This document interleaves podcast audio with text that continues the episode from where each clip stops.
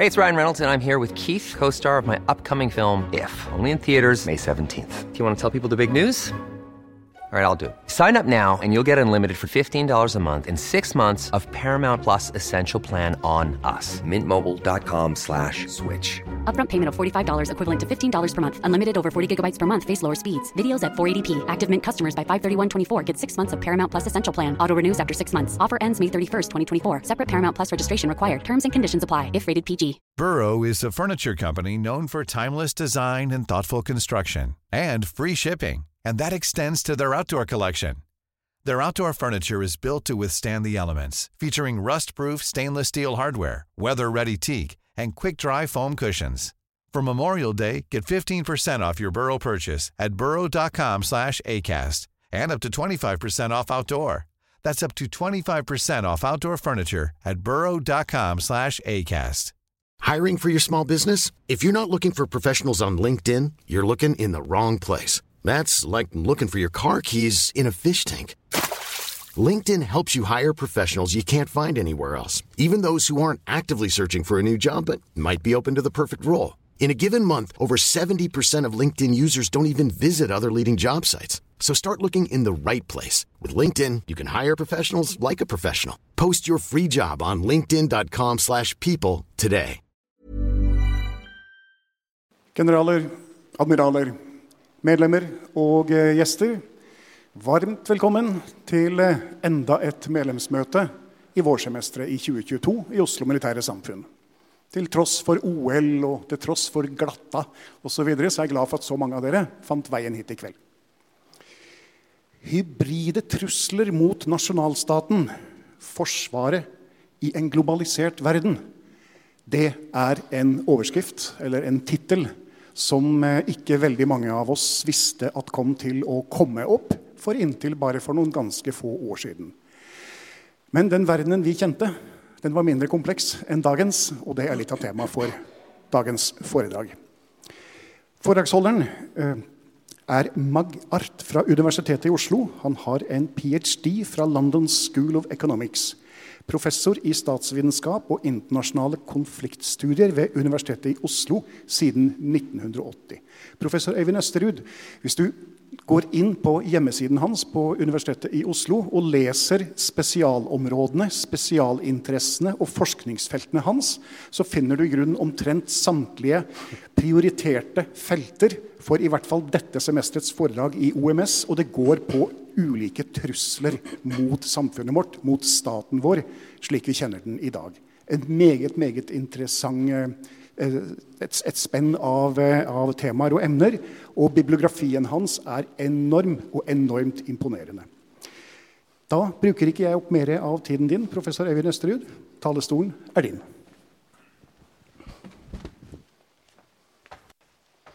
Ja, mange takk for veldig hyggelig introduksjon. Ærede tilhørere, medlemmer av Oslo Militære Samfunn. Eh, hjertelig takk for eh, invitasjonen til å snakke her. Dette er et viktig og spennende forum. Jeg har vært her et par ganger før, og det var, det var også veldig spennende. Jeg skal snakke om et omfattende spørsmål, og dere får et omfattende svar. Forsvaret i en globalisert verden har mange sider. Jeg kommer til å bruke en rekke konkrete eksempler på såkalt hybrid krigføring og hybride trusler det er for å rulle ut bakteppet, vise hvorfor hybride trusler er blitt så viktige. En del av de konkrete tilfellene ligger utenfor Norges nærområder og utenfor Nato. Det er fordi statssvikt, voldelige, lovløse områder, har globale ringvirkninger. Det er migranter fra konfliktsoner og kriseområder i alle rikere deler av verden, også i Norge. Tar vi Taliban inn i møter på norsk jord, så får vi eksilafghanske protestaksjoner i Oslo. Narkokrigen i det nordlige Sør-Amerika når oss gjennom migrasjonspress og organisert kriminalitet, langs forsyningsveiene mot Norden, via Guinea-Bissau og andre afrikanske land. Dette er nasjonalstatens vilkår i en globalisert verden. Jeg skal gradvis snevre de konkrete eksemplene på hybride trusler og hybrid krigføring inn mot det som umiddelbart utfordrer norske interesser. Hvis det er relevant for oppsyn med oljefondet og har vært generalsekretær i Nato, som eh, den norske regjeringen mener, eh, da er alt jeg har tenkt å si, relevant for Forsvaret.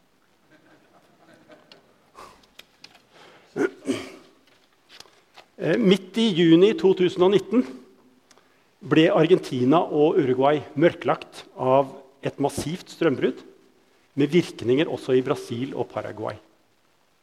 Det samtidige lokalvalget i Argentina ble delvis gjennomført i lyset fra mobiltelefoner. Hendelsen ble etterforsket som et mulig cyberangrep. Den bidro uansett til å svekke den argentinske regjeringen, som hadde liten tillit fra før. Dagen før denne mørkleggingen meldte New York Times at USA hadde plantet elektroniske målesonder i det russiske strømnettet. Og at dette skulle være et svar på russiske forsøk på å kontrollere amerikanske kraftverk, vannforsyning, olje- og gassledninger. Mer velkjent er det at et antall iranske sentrifuger for anriking av uran ble utsatt for sabotasje i 2010. En dataorm kalt Stuxnet gikk inn i styringssystemet på minst 14 industristeder i Iran, inkludert et senter for anriking av uran. Der omprogrammerte den farten på sentrifugene, eh, fikk dem til å gå ørlite grann saktere, slik at de havarerte. Dataormen gikk inn i Microsofts nettverk og søkte ut, Siemens programvare, eh, som Iran benyttet. Den ble oppdaget av et sikkerhetsfirma i Hviterussland. Det er nokså allment antatt at USA og Israel sto bak cyberangrepet på Iran. Men i likhet med manipulasjon av elektrisitetsnettet og andre industrielle systemer er det aldri noen som står frem og tar ansvar for slike hendelser. Det hører med til Stuxnet-historien at den hadde ytterst beskjedne praktiske konsekvenser for Iran. I noen tilfeller er elektroniske angrep kombinert med desinformasjon, falske historier om overgrep og støtte til indre opprør. Allerede under den første Golfkrigen i 1991 oppsto det en historie om at irakiske styrker gikk inn i fødestuene på et sykehus i Kuwait og skrudde av surstofftilførselen til kuvøsene. Dette ble senere avslørt som en falsk historie som datteren til den amerikanske ambassadøren sto bak. Kampen for å unngå avsløringer av desinformasjon og hemmelige operasjoner er derfor minst like intens som arbeidet med å gjennomføre dem. Det er pinlig å bli tatt i løgn. Det var et par øyeblikksbilder. Allerede i 1993, kort etter at den kalde krigen med sine ganske stabile rammer var slutt, var det en italiensk statsviter som kalte det vi gikk inn i, for 'den nye tids uorden'. Der er vi fortsatt. Jeg skal prøve å trekke noen linjer i en uryddig situasjon. Det starter allerede med det helt grunnleggende. Fagfolk, sivile og militære, vet ikke lenger hva krig er. De har endret seg fra en fast og omforent forståelse til et mangfold av ulike personlige meninger. Det er lenge siden krigene startet med en krigserklæring og et angrep, og endte med en kapitulasjon og gjerne en fredsavtale. Den formen for tidsangivelser som vi gjerne forbinder med krigen, fra 9.4.1940 til 8. mai 1945, tilhører verden av i går. Det er lenge siden krigene ble avgjort gjennom militære trefninger og større slag. I den grad det fortsatt og i det hele tatt forekommer tradisjonelle slag, er de ikke avgjørende for krigsutfallet. Det er lenge siden en kunne kjenne de stridende partene på uniformen. Eh, hvis jeg nå ba medlemmene av Oslo Militære Samfunn om å skrive ned hva de forstår med krig, vil jeg ganske sikkert få et mangfold av forslag. Jeg har en parallell tett innpå meg til daglig når jeg ber studenter og professorer i statsvitenskap skrive ned hva de forstår med en stat, for ikke å si en nasjonalstat, blir totalbildet det rene kaos.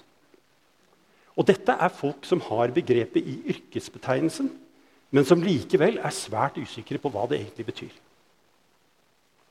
Vi kan kombinere problemet med å gjenkjenne en, gjenkjenne en krig og problemet med å gjenkjenne en stat. Narkokrigen i Mexico over grensene til nabolandene er en statsløs krig. Antall dødsofre ligger på opp mot 30 000 årlig og har gjort det hvert år i 15 år nå, siden 2006. Det har overgått de årlige tapstallene i krigene i Irak og Afghanistan i samme periode. Mange, også forskere, ser det likevel ikke som krig. Det skyldes at det avviker fra de regulære stats- og borgerkrigene. Politi og hæravdelinger har stått mot hverandre. Begge institusjonene, som andre deler av statsapparatet, er delvis kolonisert av narkokartellene. Kartellene er regionale stormakter som stadig omgrupperer seg, splittes opp og fusjonerer. De opererer gjennom desentraliserte paramilitære, ofte rekruttert fra regionale spesialstyrker, og driver omfattende hybrid krigføring. Bakholdsangrep, kidnapping, tyveri, utpressing, territorialforsvar, infiltrasjon av politikk og rettsvesen, desinformasjon og sivile tjenester for å få ryggdekning blant deler av sivilbefolkningen. Deler av statsapparatet kan vanskelig skilles fra kriminelle nettverk. Derfor er eksperter i villrede om hva som er en krig, og hva som er en stat. Jeg vil si at Det er nærmest absurd å ikke betrakte narkokrigen i Mexico som en krig. Hvis ikke det er en krig, så har vi knapt hatt kriger i verdenshistorien før 1650. Så langt vi kan se den nå, dette blir det heller mer enn mindre av. Det sprer seg lettere når statsgrensene er mer porøse, når den økonomiske globaliseringen også favoriserer den organiserte kriminaliteten, og når informasjonsteknologien og de digitale styringssystemene gir dramatisk økt sårbarhet. Moderne kriger starter ved at de kryper på, og de ender med at de ebber ut, hvis de ender i det hele tatt. Noen er tilsynelatende evige. De pulserer ut og inn i tiår etter tiår. Som konflikten mellom Israel og, og palestinere. Hittil gjennom 74 år. Ingen tegn til at det skal slutte. Eller striden mellom India og Pakistan om Kashmir, som har pågått omtrent like lenge. Tuareg-oppgjøret nord i Mali, der norske styrker er til stede, startet rundt 1962 og pågår fortsatt. Tuaregene vinner aldri, men de taper ikke heller. En moderne fredsavtale er en etappeveksling snarere enn en målplassering. Den feirede freden i Guatemala i 1996, der eh, norske diplomater og Kirkens Nødhjelp var tungt inne i bildet i fredsavtalen, innebar ikke at volden opphørte. Den innebar at voldsbruken endret karakter ble mer desentralisert, mindre oversiktlig. Politisk motivert opprør ble vanskeligere å skille fra organisert og uorganisert kriminalitet. De, de rivaliserende grupperingene ble flere, og avgrensningen mot korrupte regjeringsorganer mer frynsete. Rollen som transittområde for narkostrømmene mellom Colombia og Mexico ble viktigere, og alliansene ble mer skiftende. Det ble heller ikke fred i Colombia med fredsavtalen i 2016, selv om det ble belønnet med en fredspris. Deler av FARC skallet av, gikk under jorden. Rivaliserende opprørsgrupper fikk større spillerom. Skillet mellom opprør og ordinær politisk virksomhet ble visket mer ut. Men det ble ikke fred i Colombia. I økende grad er moderne kriger utkjempet av ikke-statlige aktører, terrornettverk, opprørsgrupper, krigsherrer. Kontroll over statene, kontroll over landene, er den gevinsten det kjempes om. Mange stater er stater bare i navnet. Og de er slagmark for rivaliserende nasjonaliteter. En internasjonal indeks over skjøre stater, Fragile States, den heter The Index of Fragile States, viser at 70-80% av rundt 180 stater må karakteriseres som skjøre. Det er statsoppløsningen som er problemet i mange av verdens konfliktsentra. Også der norske styrker har deltatt i utenlandsoperasjoner.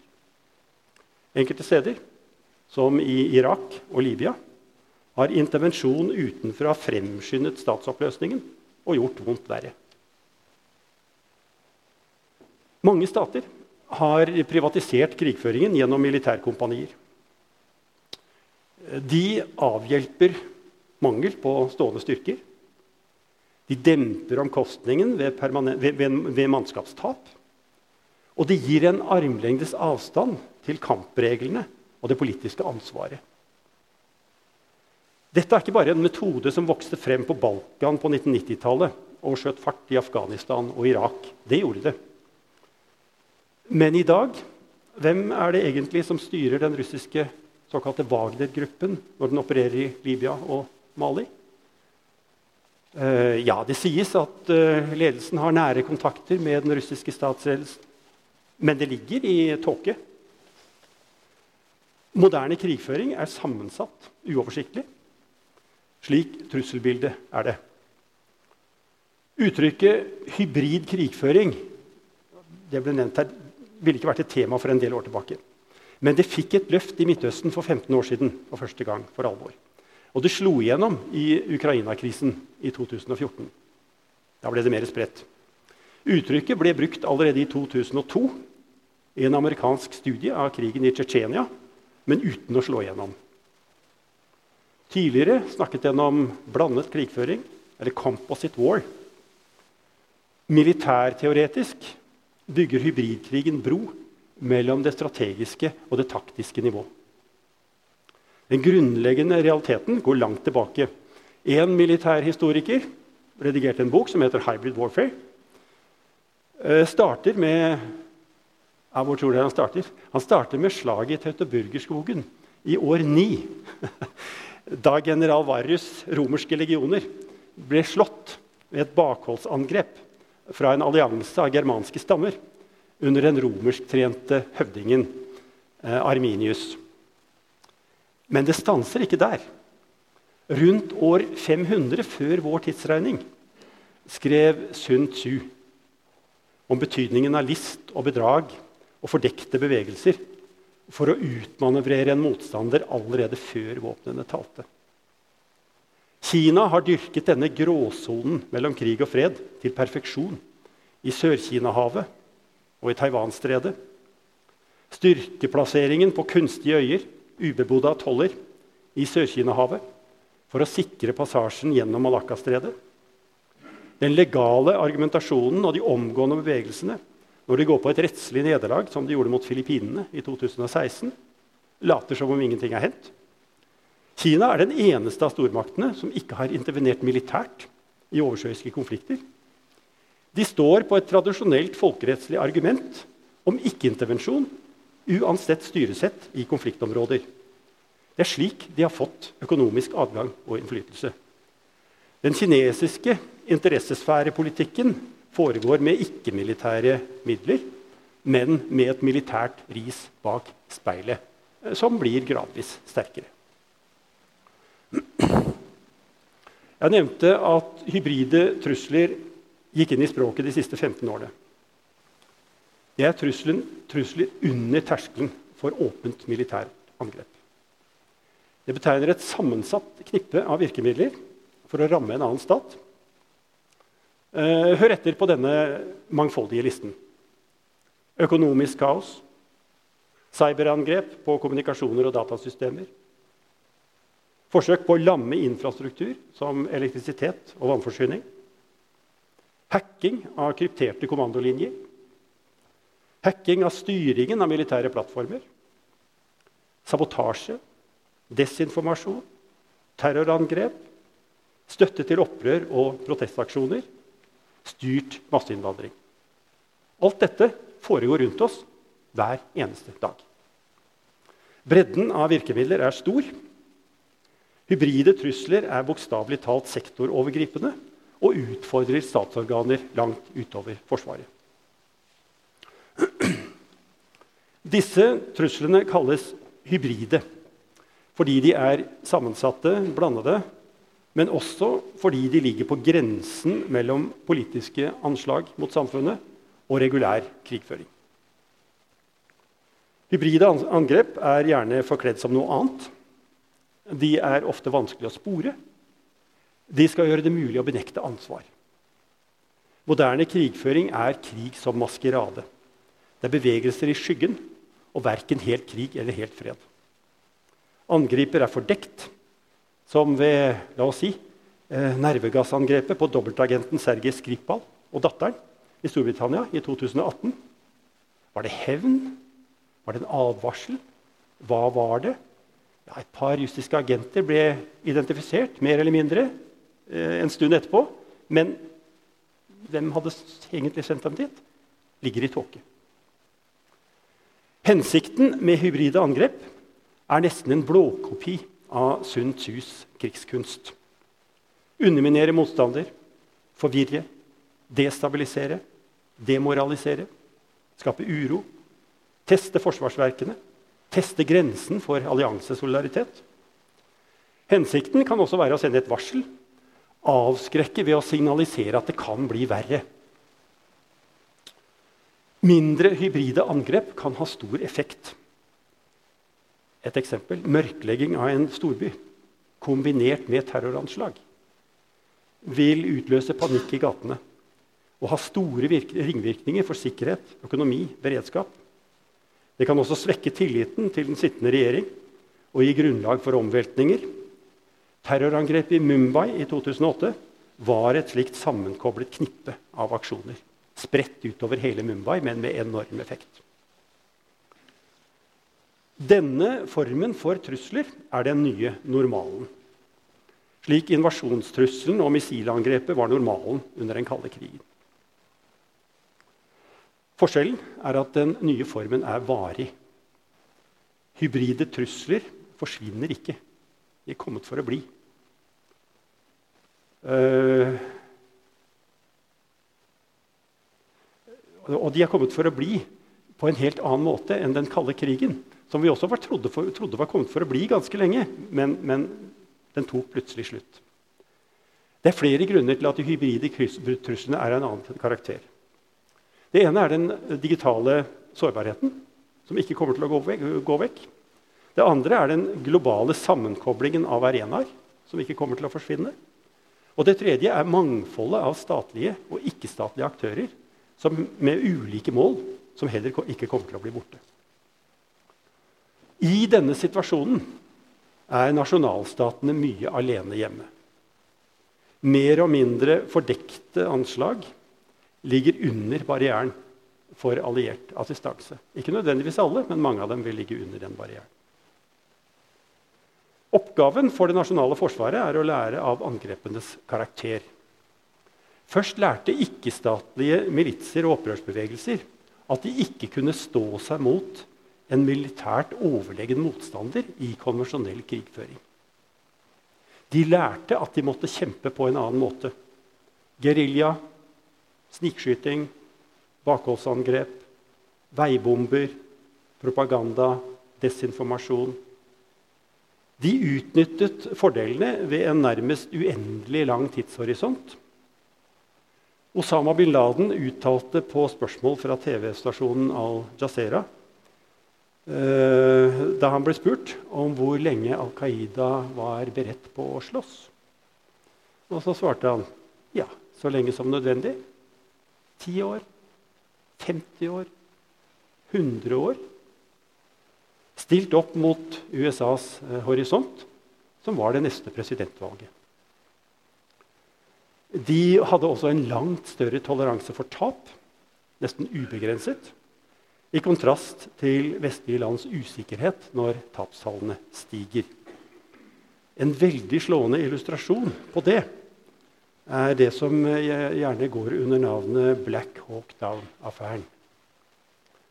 Det var den amerikanske intervensjonen i Somalia under borgerkrigen etter at president Siad Barre falt etter den kalde krigen. Det var en intervensjon med en humanitær begrunnelse. Eh, og det ble fulgt av en amerikansk offensiv mot Mogadishu i oktober 1980, 1993.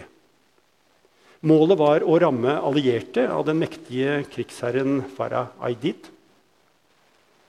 To amerikanske Black Hawk-helikoptre ble skutt ned. Rundt 700 somaliske militssoldater ble drept. Og mer enn 1000 sårede, også en del sivile. Mer avgjørende var det at 18 amerikanske soldater ble drept Eh, og slept gjennom gatene i Mogadishu og vist på amerikansk fjernsyn.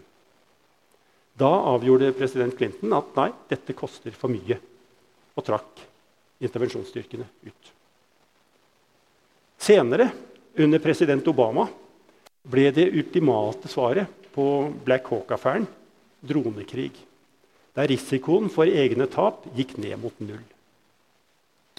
Black Hawk Down er en uh, virkelighetsnær, ganske virkelighetsnær film regissert av Ridley Scott i 2001.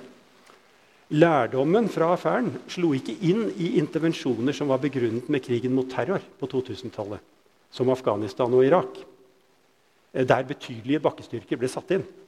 Men det hadde konsekvenser for de såkalt humanitære intervensjonene. De som lignet litt mer på Somalia, som luftkrigen mot Gaddafis styrker i Libya i 2011. Tapstall er ikke det samme for opprørsstyrker som utkjemper en eksistensiell kamp på egen jord. De kaster ingen sideblikk til krigens folkerett. De kaster ingen sideblikk til sivile ofre. I motsetning til vestlige lands sårbarhet for følgene av egne regelbrudd, slik USA erfarte da bildene fra fangebehandlingen i Abu Ghraib-fengselet i Irak nådde offentligheten i 2003. Dette er asymmetrisk krigføring. Store militærmakter gikk på spektakulære nederlag og la om strategien. De tilpasset seg i større grad det de sto overfor.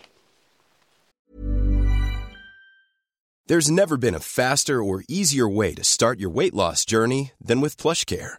PlushCare accepts most insurance plans and gives you online access to board-certified physicians who can prescribe FDA-approved weight loss medications like Wigovi and Zepbound for those who qualify. Take charge of your health and speak with a board-certified physician about a weight loss plan that's right for you. Get started today at plushcare.com slash weight loss. That's plushcare.com slash weight loss. plushcare.com slash weight loss. Burrow's furniture is built for the way you live. From ensuring easy assembly and disassembly to honoring highly requested new colors for their award-winning seating, they always have their customers in mind. Their modular seating is made out of durable materials to last and grow with you. And with Burrow, you always get fast, free shipping. Get up to 60% off during Burrow's Memorial Day sale at burrow.com slash ACAST. That's burrow.com slash ACAST. burrow.com slash ACAST. Eh, det gikk en, et stykke tilbake. Allerede på slutten av 1960-tallet lanserte USAs president Richard Nixon en ny doktrine under en pressekonferanse i militærbasen på Guam i Stillehavet, da Vietnamkrigen var blitt en uoverskuelig hengemyr og en politisk belastning både ute og hjemme. USA skulle være mindre direkte engasjert med landstyrker under fjerne himmelstrøk. De skulle gi mer støtte i form av forsyninger og instruksjon til eh, regionale allierte, som fikk større ansvar for sikkerheten i sine egne nærområder. Det gjaldt Iran før shahens fall i 1979, og det gjaldt Saudi-Arabia helt fram til i dag. Den vietnamesiske Tet-offensiven i 1968 hadde vært en militær fiasko for Nord-Vietnam og, og FNL. Men det ble samtidig en propagandaseier som var begynnelsen på slutten for USAs krigføring i Vietnam. USA var politisk svekket internasjonalt og demoralisert hjemme. Selv om de ikke tapte militært. For Russland kom sannhetens øyeblikk under den første tsjetsjenske krig i 1994-1995. Overlegne russiske styrker ble presset og demoralisert av den tsjetsjenske geriljaen i det vanskelige, tilgjengelige fjellområdet Itsjkeria.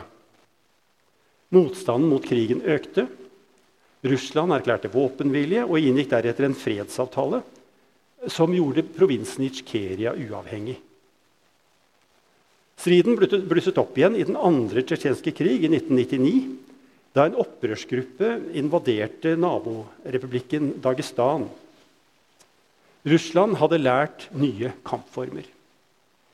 Infiltrasjon, spill på indre tsjetsjenske motsetninger, allianse med en ganske så hemningsløs lokal krigsherre, far til han som sitter ved makten nå, irregulær krigføring, nyhetsblokkering av krigssonen for å ha hendene fri overfor hjemlig og internasjonal opinion, tok av silkehanskene, for å si det rett ut.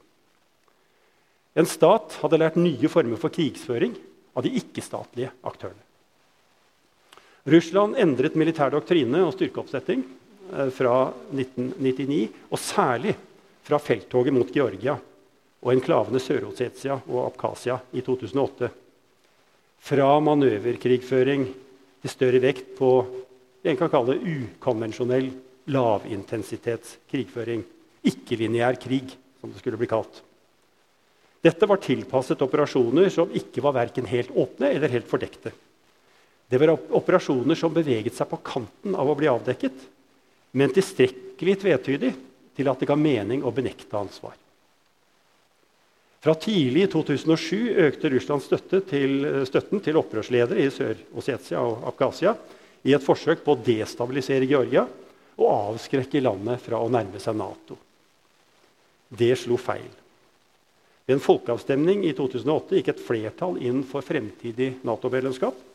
Og I august gikk georgiske styrker til rakett- og artilleriangrep mot separatistenes baser i Sør-Ossetia. Før de invaderte enklaven. Russiske styrker gikk til motinvasjon og blokkerte Georgias viktigste havn. Samtidig forstyrret de georgiske informasjons- og kommunikasjonssystemer med omfattende cyberangrep til dels i umiddelbar forkant av de militære operasjonene. Georgiske websider og servere ble satt ut av spill eller overtatt av propagandainnslag. Både Nasjonalbanken og regjeringskontorene ble rammet. Utfordringen for Georgia var ikke bare å oppdage og kartlegge omfanget av hva som foregikk, men å plassere ansvaret på utvetydig vis. Det er alltid problemet med cyberkrigføring. Jo, det var ganske sikkert russiske angrep. Men hvor langt opp gikk kontrollen? I hvor stor detalj ble det kontrollert høyt oppe? Ligger i tåke. I all hovedsak vant Russland styrkeprøven. Georgias Nato-utsikter ble skrinlagt på ubestemt tid. Russland ble sittende med kontrollen over Sør-Ossetia og Abkhasia. Det gjør de fortsatt. Likevel var de militære problemene og materielltapene langt større enn russiske ledere kunne tolerere. Det ble avdekket betydelig sårbarhet i russiske styrker. Dårlig vedlikehold, svak rekognosering mot georgiske posisjoner. Slik ble Georgiakrigen et nytt vendepunkt etter problemene i Tsjetsjenia, med sterkere vekt på reform effektivisering av ukonvensjonell og blandet krigføring. Infanteri og offiserskorps ble trimmet ned. Cybermilitser, paramilitære grupperinger, manipulert migrasjon inngikk i det nye asymmetriske arsenalet fra 2012-2013. Dermed var russiske styrker langt bedre forberedt da krisen i Ukraina oppsto i 2014. I motsetning til hva de var i den første, første tsjetsjenske krig. Og også i motsetning til hva de hadde vært i Georgia i 2008. I forkant av støtte til opprørsmilitser i Øst-Ukraina var kontrollen over Krim overtatt ved en hastig organisert folkeavstemning som ga stort flertall for tilslutning til Russland. Og ved kontroll med strategiske støttepunkter som kommunikasjon og militæranlegg ved hjelp av væpnet personell uten nasjonale distinksjoner. Var det som i pressen ble kalt 'små grønne menn'. På Krim ble det knapt løsnet skudd, i motsetning til krigen i Øst-Ukraina. Det var ikke bare USA og Russland som la om strategi og styrkesammensetning etter traumatiske militære erfaringer. Det tredje smertelige lærestykket er knyttet til gjennombruddet for selve etiketten hybrid krigføring. En morgen i juli 2006 patruljerte to israelske Humvees nordgrensen mot Libanon.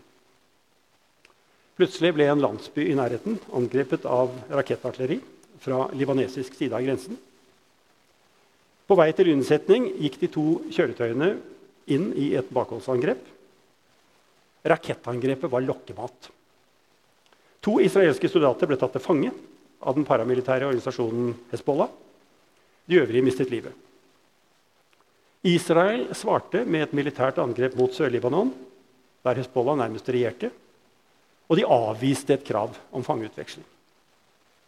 Dernest gikk IDF, The Israeli Defense Force, til full konvensjonell krig mot det sørlige Libanon for å knekke Hizbollah. Det greide de ikke. De nådde heller ikke et, det som viste seg å være et umulig krigsmål, som var å befri de to soldatene.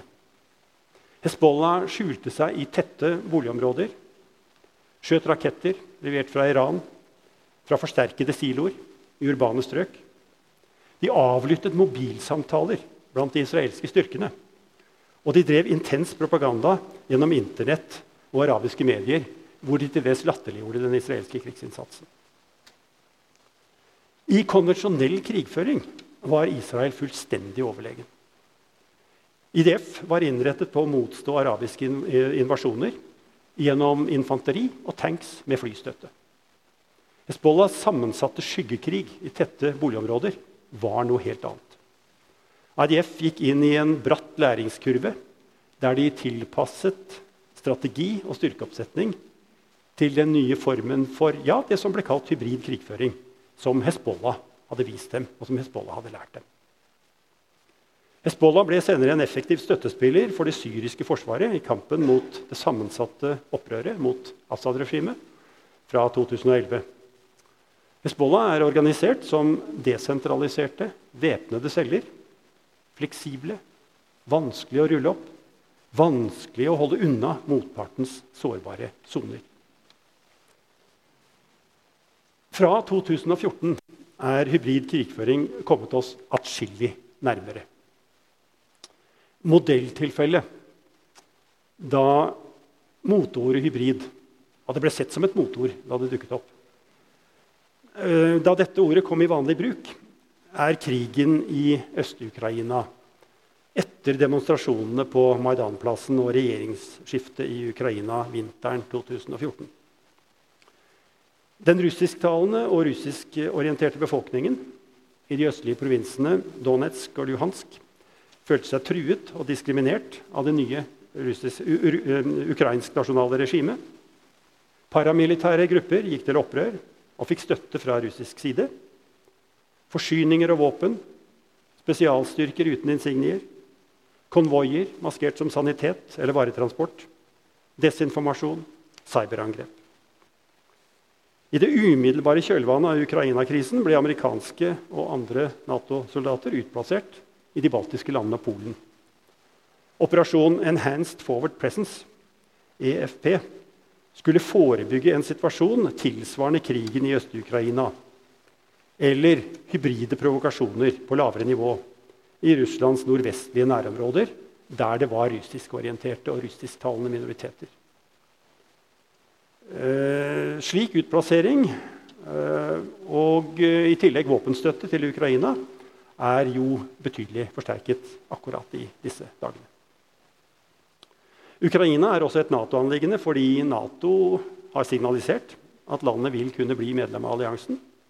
Og det er et Nato-anliggende fordi spenningen fra Ukraina og Svartehavsområdet har ringvirkninger i Arktis og opp mot norske interesser i nordområdene.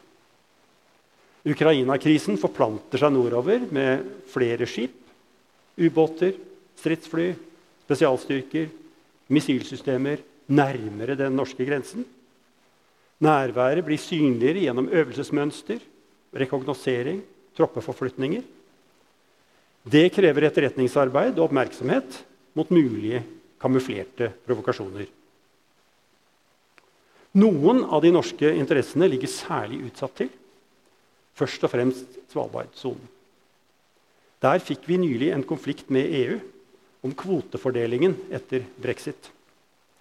I synet på fiskevernsonen har Norge liten støtte for et prinsipielt syn som sier at dette ikke er en arkipelagisk sokkel som omfattes av Svalbardtraktaten, men at det er en del av en eksklusivt norsk sokkel som strekker seg nordover fra fastlandet. Det er et syn Norge står mer eller mindre alene om. En hybrid offensiv er kjennetegnet ved at den er vanskelig å overskue og tolke. Hvor sikker må en være for å stille en annen stat til rettslig og politisk ansvar? Hvor høyt opp i det politiske hierarkiet ligger kontrollen over en hybrid provokasjon? Hva kan betraktes som en test? En prøve på forsvarsevne og vilje? Og hva er forsmak på et mer alvorlig angrep? Her kan det være problemer også for den offensive part. Begrepet hybrid krigføring forutsetter strengt tatt at et knippe av ulike aktiviteter er under sentral kontroll slik at virkemidlene forsterker hverandre. I praksis kan det være atskilte aktiviteter med hver sin dynamikk. Uh, utenfor overordnet politisk og militær styring. En analyse av krigen i Ukraina har konkludert med at dette er tilfellet også der. De paramilitære militsene er ikke fullt synkronisert. De er ikke under full felles kommando. Det hevder bl.a. den britiske strategieksperten Lawrence Friedman etter en gjennomgang av aktører og forløp. Selvoppnevnte krigsherrer har rivalisert i et lovløst område der verken opprørere, de russiske støttespillerne eller regjeringsstyrkene har hatt full kontroll. Utenlandsoperasjonene har vært de fremste lærestykkene i hybrid krigføring. Tradisjonell vestlig krigføring, høyteknologisk, etterretningsstyrt, med presisjonsbombing for å dominere slagfeltet, eh, led et epokegjørende nederlag da opprøret i Irak startet for alvor forsommeren 2003, etter at Iraks ordinære styrker var nedkjempet. Den irakiske motstanden trakk seg ut av slagfeltet og inn i skyggene. Der var det umulig å nedkjempe den. Første fase av invasjonen av Irak i 2003 var regulær krigføring, der de irakiske troppene var slått i løpet av et par uker. I utgangspunktet var heller ikke denne fasen en garantert vestlig suksess. Den bygde på en nesten utrolig overmodig irakisk strategi eh, som kunne ha vært vippet i en annen retning. Beslaglagte dokumenter i etterkant av det amerikanske stormangrepet gir et innblikk i alternative vurderinger i Bagdad. En av Saddam Husseins generaler, Rad Hamdani, foreslo å møte invasjonsstyrkene på en helt annen måte enn i direkte kamp. Han ville skjule konvensjonelle enheter i byene, blande dem med de paramilitære Fedayeen, drive forsvarskamp og militære operasjoner midt i kvarterer av boliger, markeder, kafeer, skoler, sykehus. Fra tett befolkede miljøer skulle de sende raketter, antitank og bakke-til-luftmissiler, plassere skarpskyttere, drive geriljaoperasjoner og terrorangrep. Mediene hjemme og ute ville bli fòret med en strøm av utvalgt informasjon og desinformasjon. Saddam Hussein avslo å følge rådet fordi han hadde helt uberettiget, nesten vanvittig tillit til den irakiske hærens slagkraft og effektivitet i regulær krigføring. General Hamdanis strategi ville gjort USAs og forsvarsminister Rømsfeldts sjokk and awe i første fase av Irak-krigen ganske kontraproduktivt. Det uhåndterlige og sammensatte opprøret ville ha startet fra dag én. USA og Nato-landene fikk en ny lærdom i Afghanistan. Helt i utgangspunktet var dette en antiterroroperasjon som ikke hadde nasjonsbygging og ny samfunnsorden i Afghanistan som mål. Det var en form for mission creep som gradvis utvidet styrkeinnsatsen og ambisjonsnivået. Lærdommen kom også langsomt og gradvis. Ingen militær seier eller stabiliseringsoperasjon var endelig mot en motstander som stadig kunne omgruppere, nyrekruttere, forflytte seg, gå over grensene til Pakistan, utnytte lokal misnøye, spille på motstanden mot et korrupt og upopulært regime. To uvante erfaringer var særlig åpenbare etter at Taliban sto for ja, det en kanskje kan kalle historiens mest spektakulære geriljafelttog i august i fjor. August 2021. For det første at skifte av allianser er helt normalt i mange deler av verden. Og ikke minst i et desentralisert og nettverksbasert stammesamfunn som Afghanistan. I takt med Talibans raske framrykking var det flere og flere av de styrkene som vestlige land hadde trent og utstyrt, som la ned våpnene, forsvant i skyggene eller sluttet seg til Taliban. For det andre hadde forhandlinger, som de som foregikk i Doha, liten eller ingen betydning for krigsforløpet. Det gjaldt både de første forhandlingene med USA og de andre med representanter for regjeringen i Kabul. Taliban var ingen enhetlig aktør. Det var en skiftende allianse av fraksjoner. Doha var et propagandavindu, en avledningsmanøver fra det som foregikk og ble planlagt på bakken. Et av de radikale omslagene inn i den nye verden var kommet 11.9.2001 med terrorangrepene på World Trade Center og Pentagon. Det var et grunnskudd mot 90-årenes store samtidsdiagnose globalisering og over til en ny samlende betegnelse eh, i begynnelsen av det 21. århundre, som både USA, Europa, Russland samlet seg om. Det var det de kalte geopolitikk den nye stormaktsrivaliseringen. Og I dette ligger det at fri flyt av varer, tjenester og personer betyr risiko og redusert sikkerhet. En migrasjonsbølge og en lukket container kan skjule et terrorangrep. Svaret var Homeland Defense, koalisjoner av vilje, forkjøpsangrep, krig mot terror, oppgradert forsvar mot grensekrenkelser, cyberkrigføring, destabilisering. Eh, dette var det nye store omslaget. Trusler ute ble til trusler hjemme, slik som euro-jihad, med terroraksjoner i Frankrike, Tyskland og Storbritannia i kjølvannet av konflikten i Afghanistan, Irak, Libya, Syria.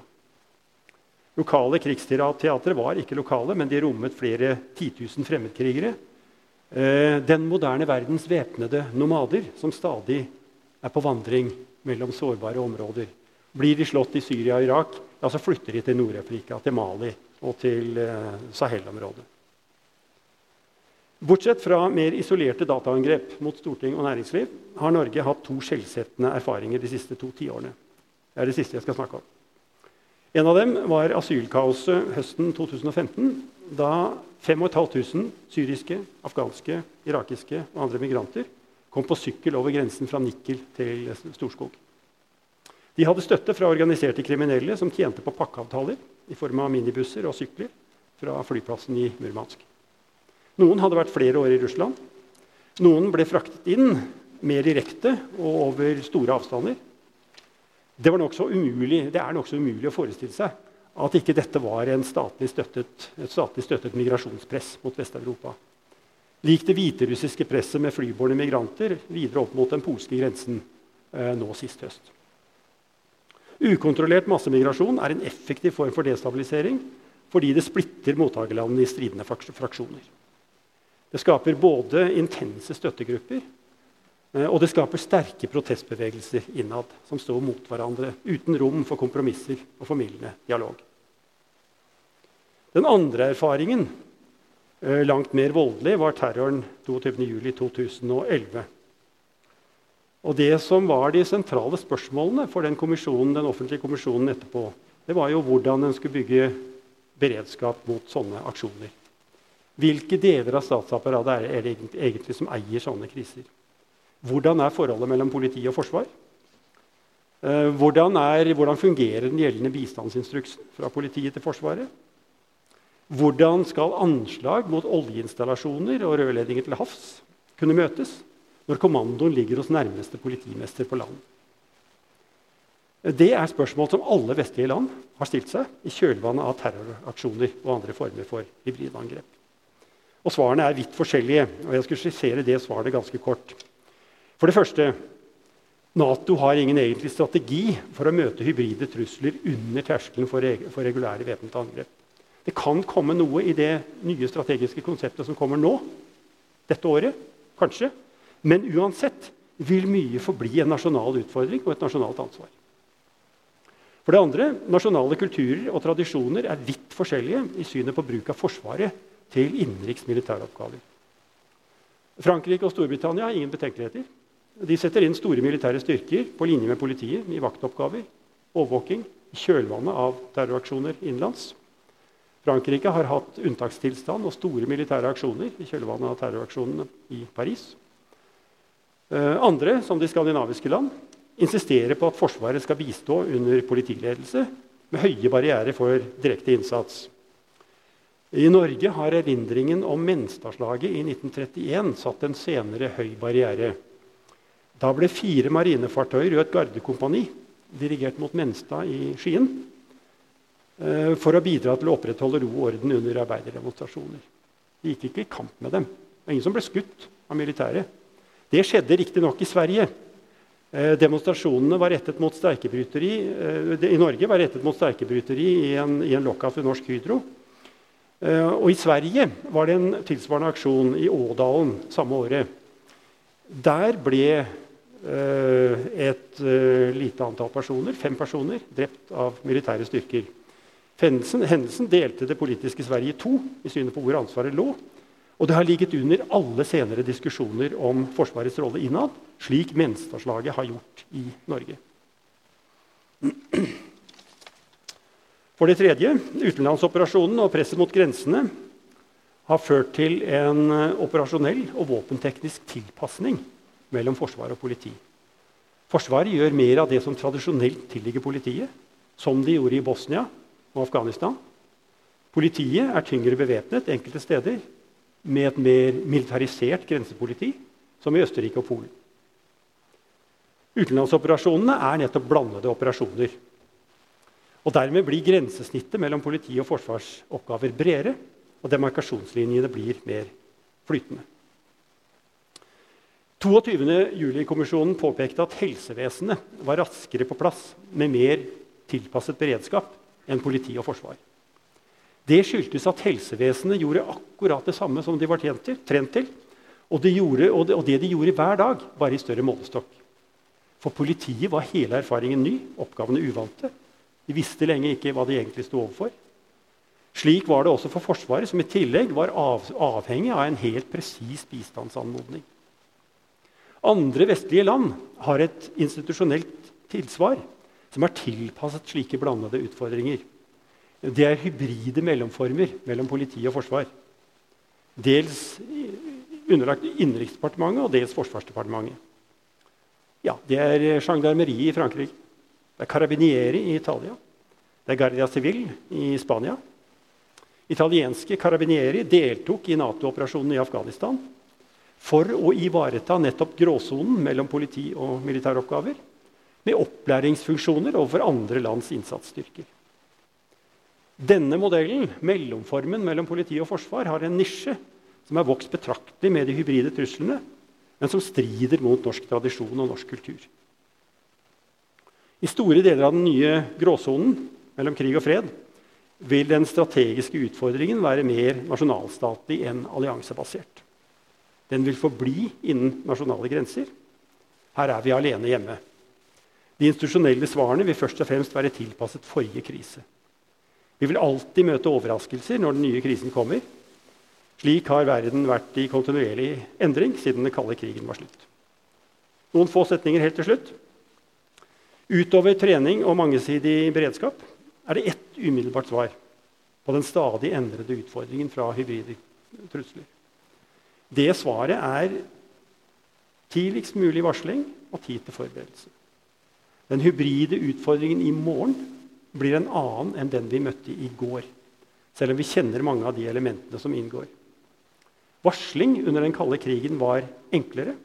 fordi indikatorene var kjente, og etterretningen gikk ut på å skille avvikende aktivitet fra det rutinemessige. Først og fremst knyttet til militær virksomhet utenfor Norges grenser. Bredden av relevant informasjon er langt større ved hybride trusler. Og den systematiske bruken av desinformasjon, tåkelegging og tildekking er vanskeligere å avsløre. Det irregulære gjennom hacking, sabotasje, falske nyheter, et mangfold av private og statlige aktører, gjør det vanskeligere å se noe rutinemessig som avvik kan måles mot. Og Det fins dessverre ikke noe bedre svar jeg skulle ønske jeg hadde, men det finnes ikke noe bedre svar enn å understreke at hybride trusler krever bredere lyskastere og et videre sett av indikasjoner å følge med på. Overraskelser kommer uansett. En kombinasjon av tilfeldigheter og uforutsette handlingsvalg gjør at utfordringene aldri blir gjennomsiktige. Murens fall, oppløsningen av Sovjetunionen i 1989-91, kom overraskende på både forskere, beslutningstakere og etterretningsorganer. En mer kraftfull illustrasjon av manglende forutsigbarhet er det vanskelig å finne. Så med det mange takk for oppmerksomheten.